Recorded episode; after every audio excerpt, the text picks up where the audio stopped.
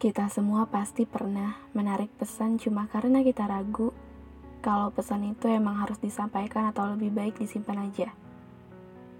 Kadang udah sih yakin itu buat meneruskan pesan, cuma hati suka tiba-tiba bilang, kayaknya dia nggak perlu tahu.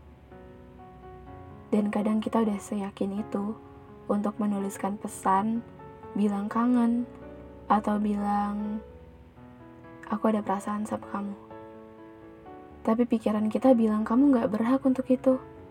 Sampai akhirnya kita memilih untuk menarik pesan, membatasi hati untuk berperasaan, dan membatasi diri untuk jujur atas apa yang dirasakan. Dan ternyata, fitur tarik pesan menguntungkan kita yang ragu akan perasaan kita sendiri. Akan harus jujur sekarang atau ditahan dulu.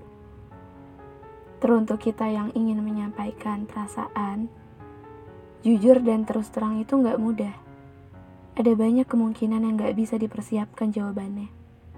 Akan ada dua jalan antara penolakan atau penerimaan. Akan ada balasan baik atau mungkin sebaliknya. Perkara menyampaikan rindu, menyampaikan isi hati mungkin cuma berlaku untuk orang-orang bernyali kali ya. Gak berlaku untuk kita yang kadang mau curhat ke teman sendiri aja masih mikir. Gak salah kok, Mungkin karena bimbang pada perasaan sendiri itu, sebabnya ada fitur menarik pesan. Lagi pula nggak semua perasaan mesti disampaikan kok. Hmm, by the way, saya jadi inget sama momen di mana saya sama teman saya sering banget izin ke toilet setiap hari Rabu.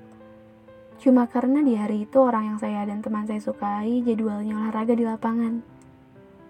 Kalau diingat-ingat sekarang lucu juga ya, Izin ke toilet cuma untuk lihat dia olahraga, dan selepas dari sana bukannya senang malah bad mood.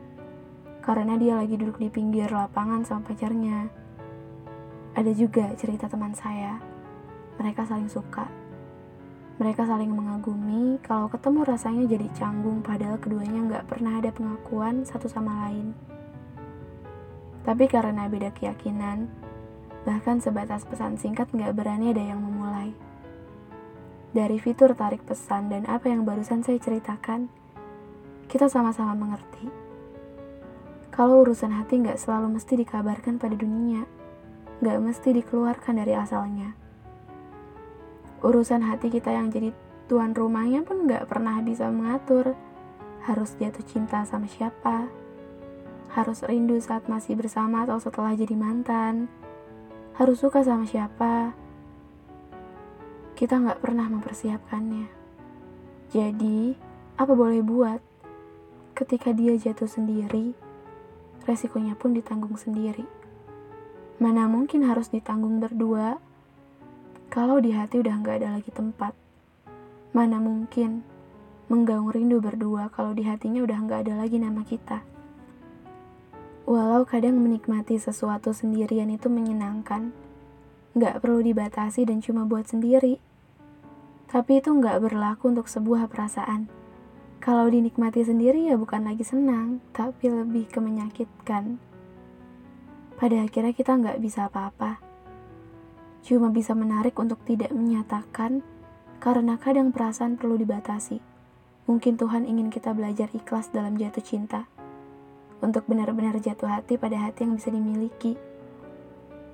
Gak perlu merasa salah untuk berperasaan Toh manusia tugasnya memang mengakui perasaannya walau harus dinikmati sendirian, disimpan sendirian, atau dikikis pelan-pelan karena sadar nggak semua yang dirasakan harus dikabarkan. Beberapa lebih baik dibiarkan begitu aja. Beberapa yang sudah tersampaikan mungkin juga lebih baik ditarik pesan. Kali ini mungkin semesta sedang meminta tulusnya kita. Menguji seberapa dewasanya kita saat jatuh cinta, dan menghadapi rasa, tapi mesti ada batas yang menahan untuk tidak menyampaikannya. Nggak apa-apa ya, setiap kita pada akhirnya akan mencintai dan memiliki hati yang disetujui oleh semesta.